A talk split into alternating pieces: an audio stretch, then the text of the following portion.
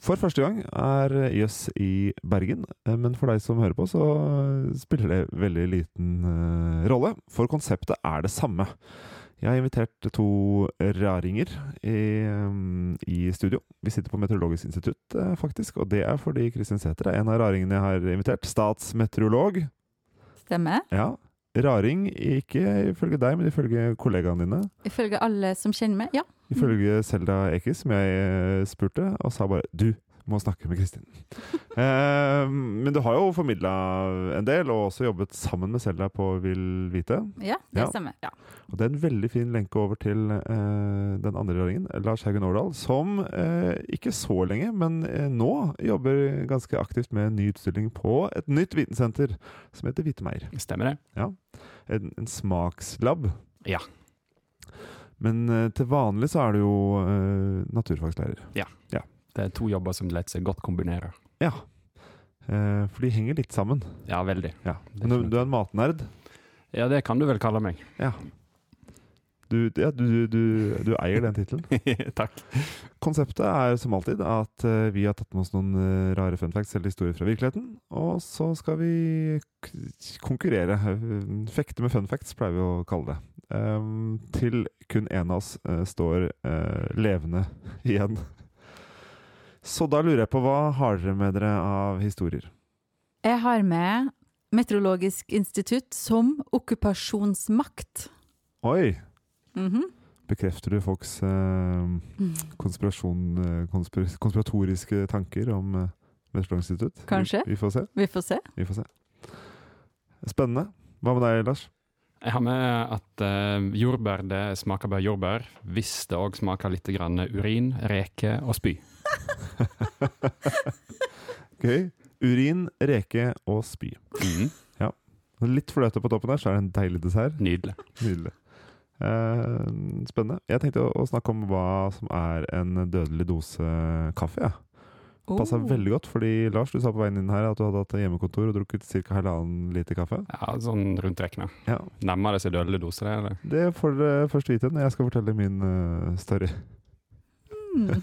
Eh, så hva vil dere høre mer om? Jeg er veldig gira på okkupasjonsmakt. Jeg er veldig gira på jordbær og reke og urin. Jeg er litt enig.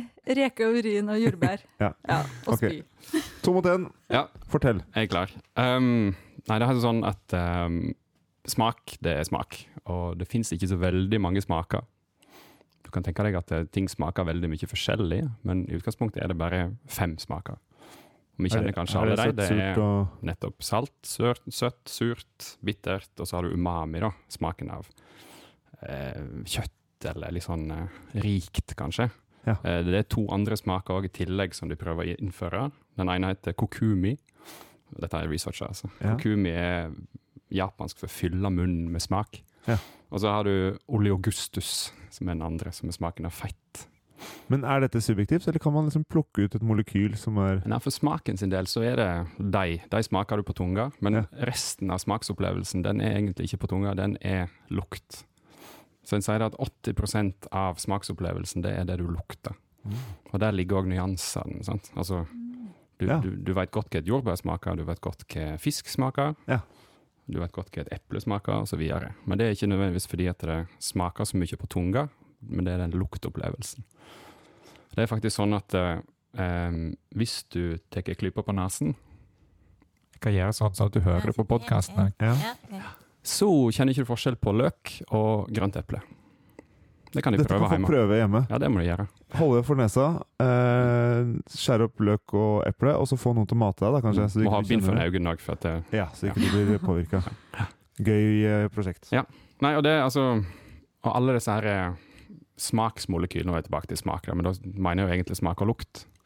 De er det veldig mange av, og de har alle sammen har ei karakteristisk lukt eller smak.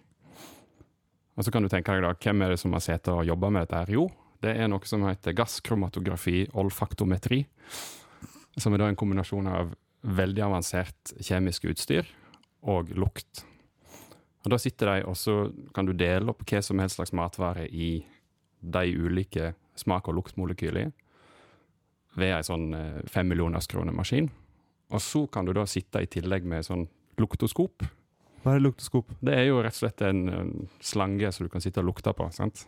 Eh, ok, så det er egentlig ikke en maskin, det er bare for å få lukta rett Ja, opp i altså, nesa? I tillegg til at den gasskromatografen skiller de lukt, eller smaksluktmolekyler fra hverandre, så kan han òg gi det opp i nesen din. da. Ja.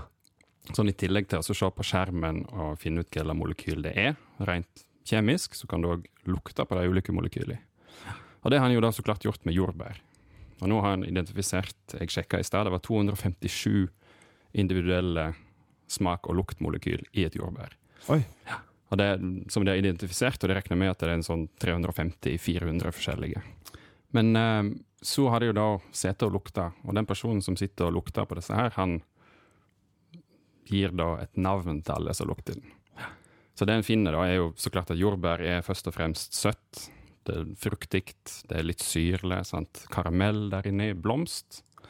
Men så er det òg andre litt mer spennende sånn luktmolekyl i det hele. da. Um, ene ble karakterisert som kjedelig, ubehagelig, brun. Altså hva, hva lukter brun? Ja. Det er ikke så godt å si. Nei.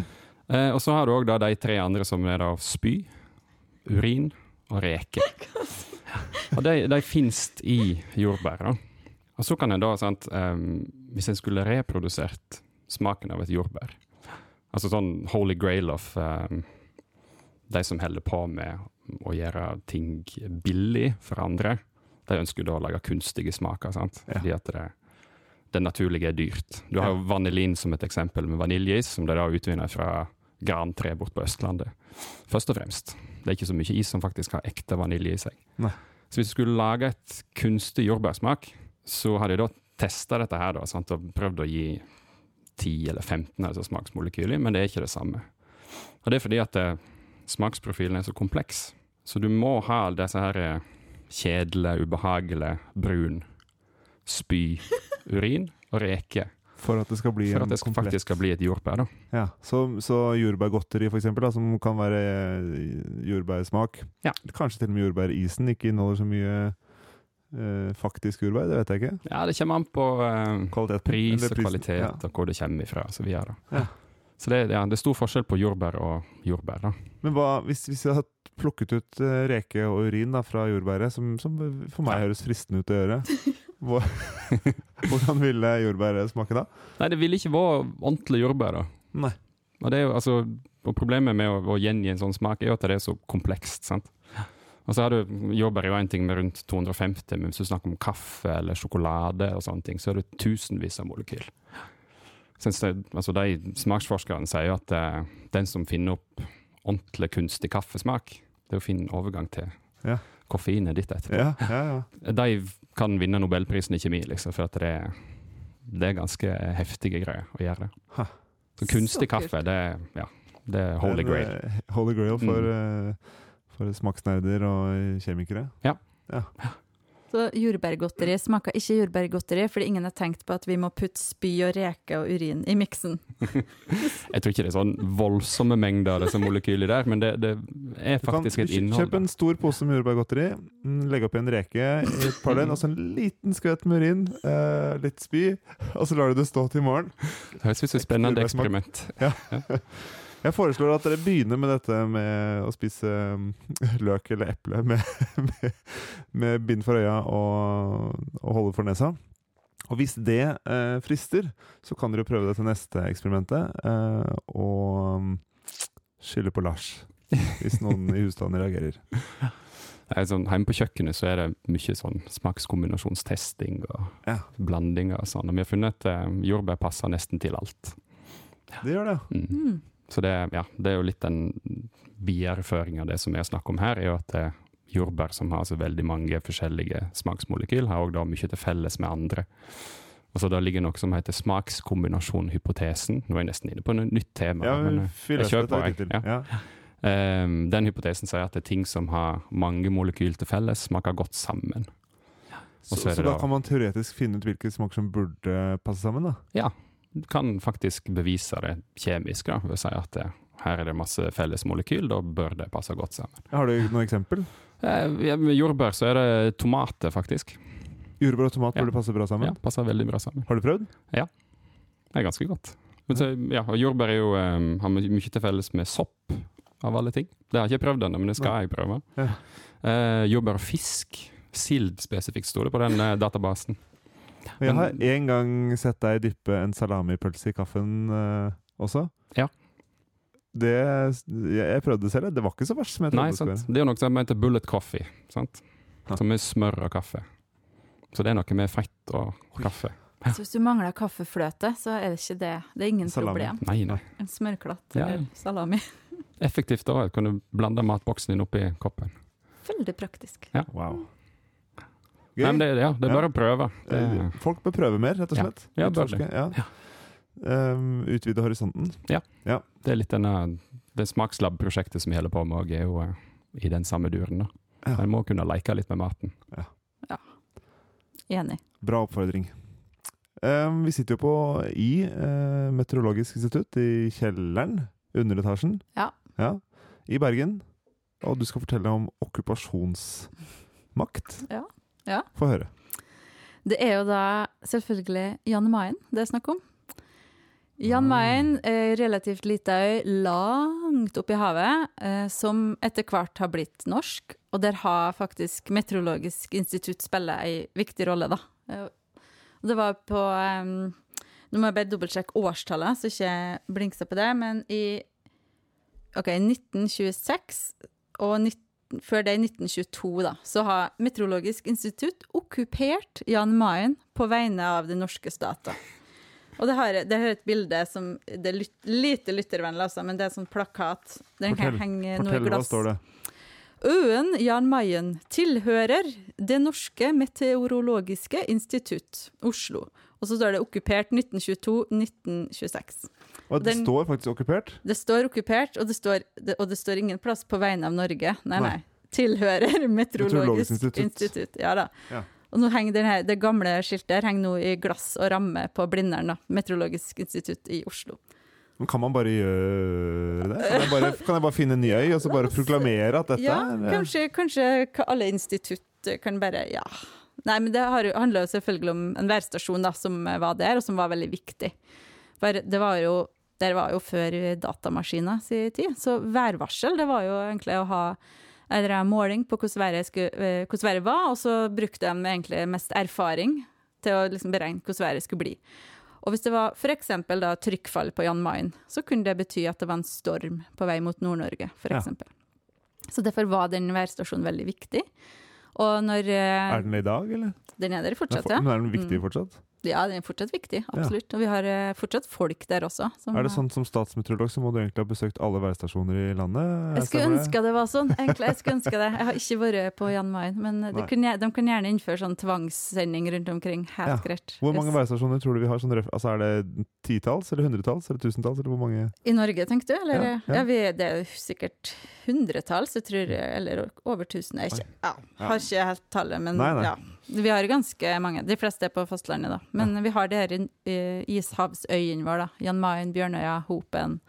Og så er vi på Svalbard, selvfølgelig. Og. Men Jan Mayen, det, alle de her har vært litt viktig strategisk, da. Så Jan Mayen var jo De berga jo værstasjonen når tyskerne okkuperte Norge. Da pakka de først ned alt, eh, ødela værstasjonen, stakk av. Og så kom, eh, kom de liksom tilbake litt seinere, da sendte eksilregjeringa opp en tropp med soldater. Og så bare var det ingen som hadde vært på øya i mellomtida, men da tok de liksom og sikra området, da. Og så satte de opp en ny værstasjon på et litt tryggere område, og så var den bevokta gjennom hele krigen. Og Jan Mayen var det eneste norske landområdet som var under kontroll da, av den norske eksilregjeringa gjennom hele andre verdenskrig. Så, så Jan Mayen er aldri blitt beleira? Altså, aldri blitt tatt? Nei, bortsett fra Meteorologisk institutt, som i sin tid beleira. det var litt sånn, det var litt ulike interesser. Altså krigerske meteorologene. Ja. Ja. Mm, typisk. typisk. Men, men hvem eide Jan Mayen før Meteorologisk institutt? Det var ingen som hadde på en måte uh, lagt beslag på det. Det var liksom eh, Det var jo oppdaga på 1600-tallet, men det var, liksom, det var litt hvalfangere der. Og litt sånn. Men det var ingen som hadde liksom sagt at den er vår. Så det var litt sånn, Og så var Island litt interessert, og, og Danmark. Sant? Det var, men det var mest fiskebankene rundt, da, egentlig. Og den værstasjonen har jo vært norsk hele tida. Fascinerende. Ja. Syns det. I- koffein eh, har jeg eh, Eller kaffe, egentlig. Fordi altså, dette er jo litt aktuelt fordi ungdommen i dag drikker eh, energidrikker. Mm. Eh, Men jeg tenkte jeg skulle holde meg til, til kaffen, da, for å finne hvor mye kaffe må du drikke. Eh, Lars har drukket halvannen liter i dag. Mm. Og svaret er jo overraskende vanskelig å, å finne ut. Blant annet fordi overdose, kaffeoverdose skjer såpass eh, sjeldent. Altså, det er jo fælt. Det er fatalt, faktisk. Eh, men eh, eh, en, jeg fant en, en eh, uttalelse fra Jack James, som er sjefsredaktør i Journal of Caffeine Research, som jo da Fantastisk. burde vite litt om dette. Eh, at en overdose for voksne krever omtrent 10 gram koffein. Og vanligvis så, så får vi oss 1-2 milligram um, oh, ja. koffein Mm. per, per kilo, eh, står det. Um, men så har jeg funnet andre kilder som gjør at jeg er tettere på, eh, på fem gram, som har sett på faktiske, faktiske overdoser. Så det er litt, um, det er litt ulike tall, og det gjør det litt vanskelig å, å, å beregne. Um, og vi har funnet, det fins jo noen kasus, eller noen uh, dødsfall, rett og slett, hvor man har prøvd å se, men i veldig mange tilfeller så er det jo andre ting inne i bildet. Uh, det er alkohol inne i bildet. Ja. Det er en medisinsk tilstand inne i bildet. Um, Nei, for det var spørsmålet mitt. da. Er det noen som faktisk har dødd av å drukke kaffe? Ja, de, de mener det. Um, det finnes også en, en app som jeg fant, uh, som heter eh, Death by Caffeine. eh, Som, uh, som bruker en referanseverdi på 6 gram per 100 kilo kroppsvekt. Jeg er faktisk uh, ganske tett på 100 kilo kroppsvekt, så 6 gram burde da være grensa for meg. Bortsett fra denne appen da er nok lagd litt for, eh, for underholdning. Du finner tilsvarende apper for å finne ut om du kan kjøre bil, ikke sant? hvis du har Mm, drukket, mm. som skal beregne kroppsvekt og hvordan, eh, hvor atletisk bygd du er og litt sånn diverse ting. Og så, og så legger du inn enheten du drikker, og så skal den liksom kunne regne seg fram til også underholdning. Du kan jo bruke den til å logge kaffeinntaket ditt. Ja. Ja. Som jo er interessant, men spørsmålet er hvor, hvor presis den er til å, til å vurdere. Blir litt Eh. sånn stegteller, nesten. Ja, ja, en, ja sånn skritteller du kan ha i beltet, bare at du kan ha koffeinteller på håndleddet, eller noe sånt. Uh, absolutt. Um, men men det, det er vanskelig fordi det nesten alltid funker sammen med andre og litt mer sånn uh, farlige uh, faktorer, da. Eh, og de, jeg har ikke funnet noen norske ja, Noen norske kasus eller norske um, tilfeller av koffeinoverdose. Um, jeg har funnet fra noen andre land hvor man har prøvd å se på, um, eh, men, men det er litt Jeg syns det er overraskende. Men det, det som jeg oppdaget i det her, da, er at eh, det er mer sannsynlig Altså, si du Du må drikke ganske mye kaffe og ganske fort. Eh, så si at vi nå koker opp eh, fem, åtte, ti liter kaffe hver, og prøver å drikke det i løpet av neste timen. Da vil vi være i en livsfare. Det er den størrelsesordenen vi snakker om. Ja. Problemet er at bare det å drikke fem, åtte, ti liter vann er et problem i seg selv. Ja, Så sant. min konklusjon uh, av uh, min research er jo da at det er mer sannsynlig at du dør av eh, vannoverdose eller Ja. vannforgiftning Vannforgiftning. enn at du faktisk dør av koffeinen. D- Ja, Drikker du ti liter kaffe på en time, så er det væska som tar det, og ikke koffeinet. Ja. Ja. Nemlig. Eller eventuelt hjertet som sier takk. Ja, Ha det bra. Dette, dette, blir, eh, dette blir for mye. Ja. Ehm, og, det, og der kommer jo energidrikken inn, for de er jo mer høykonsentrert. Så da er det kanskje Ah. lettere å få til å få i seg veldig mye um, koffein. da. Um, og det som skjer, er at når du drikker mye vann, så klarer ikke nyren å ta unna og skille ut uh, nok vann i urinen, sånn at du kan tisse på jordbærgodteriet, sånn at du Mhm. får en ekte jordbærsmak. Mhm. Ehm, og, og følgen av det er at blodet ditt tynnes ut.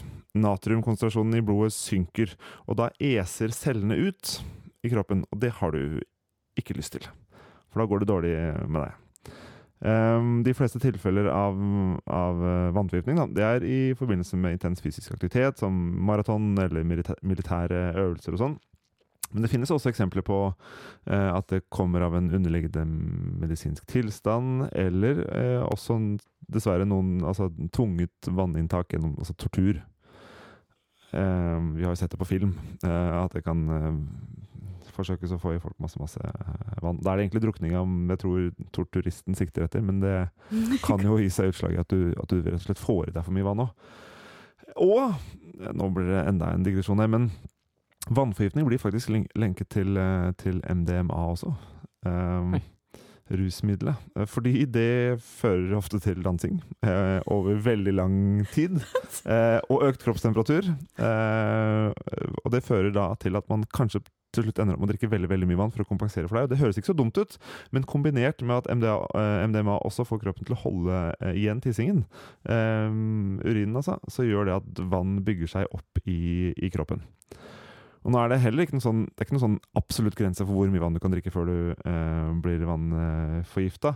det handler mer om over hvor, hvor langt tidsrom det skjer. da. Så vi vet at noen har klart å, at det finnes mennesker hvis nyrer har klart å liksom håndtere 20-25, kanskje 30 liter vann i løpet av et døgn.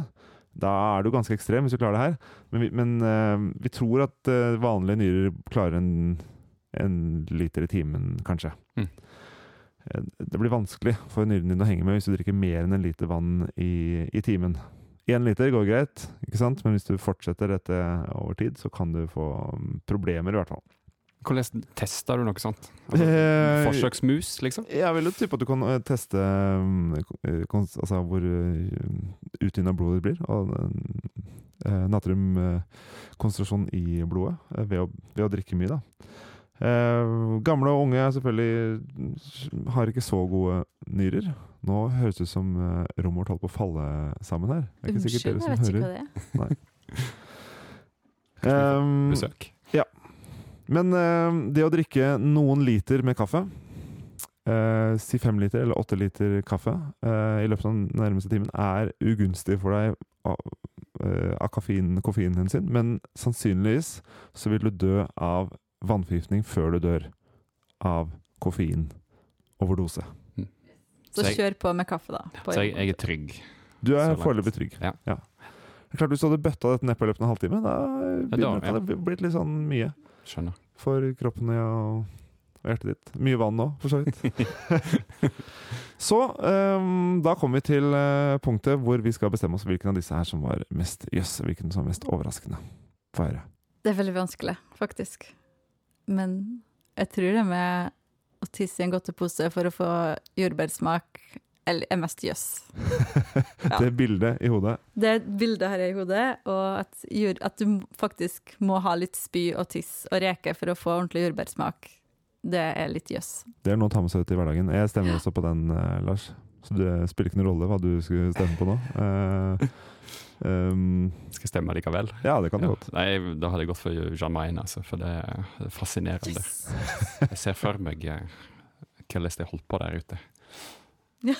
Ja, jeg tror ikke det var noe krigsmakt akkurat. Jeg tror det var Vi har satt opp en værstasjon og et skilt. Jeg vet ikke om Meteorologisk institutt er så flink til å bygge slott, for eksempel. sant? Det, Nei, nei. jeg får sånne fine bilder. Vi skulle hatt et slott. Absolutt. Gjerne det. Det er et fint bygg, det her, da. Ja, det er det. Vi sitter i et uh, meteorologisk uh, slott allerede. Jeg Det bare ligger ikke på sånn. Jan Mayen. Eh, tusen takk for at dere kom. Gratulerer med, med seier i din, i jomfru, din jomfrujøs, som vi av og til eh, eh, kaller det. Dere er førstegangsreis eh, begge to. Ikke til Jan Mayen, men inn i ørene til deg som eh, hører på. Um, hvis vi skal be deg om noe på slutten, du som hører på, så det å gå inn i um, eh, iTunes og eh, gi oss en vurdering, en stjerne, et antall stjerner, eller, eller trykke på hjertet på Spotify, eller sånt, det hjelper oss faktisk å nå nye lyttere. Så det hadde vært hyggelig hvis dere eh, gidder å gjøre, inntil vi høres neste gang. Ha det bra. Ha det! Ha det!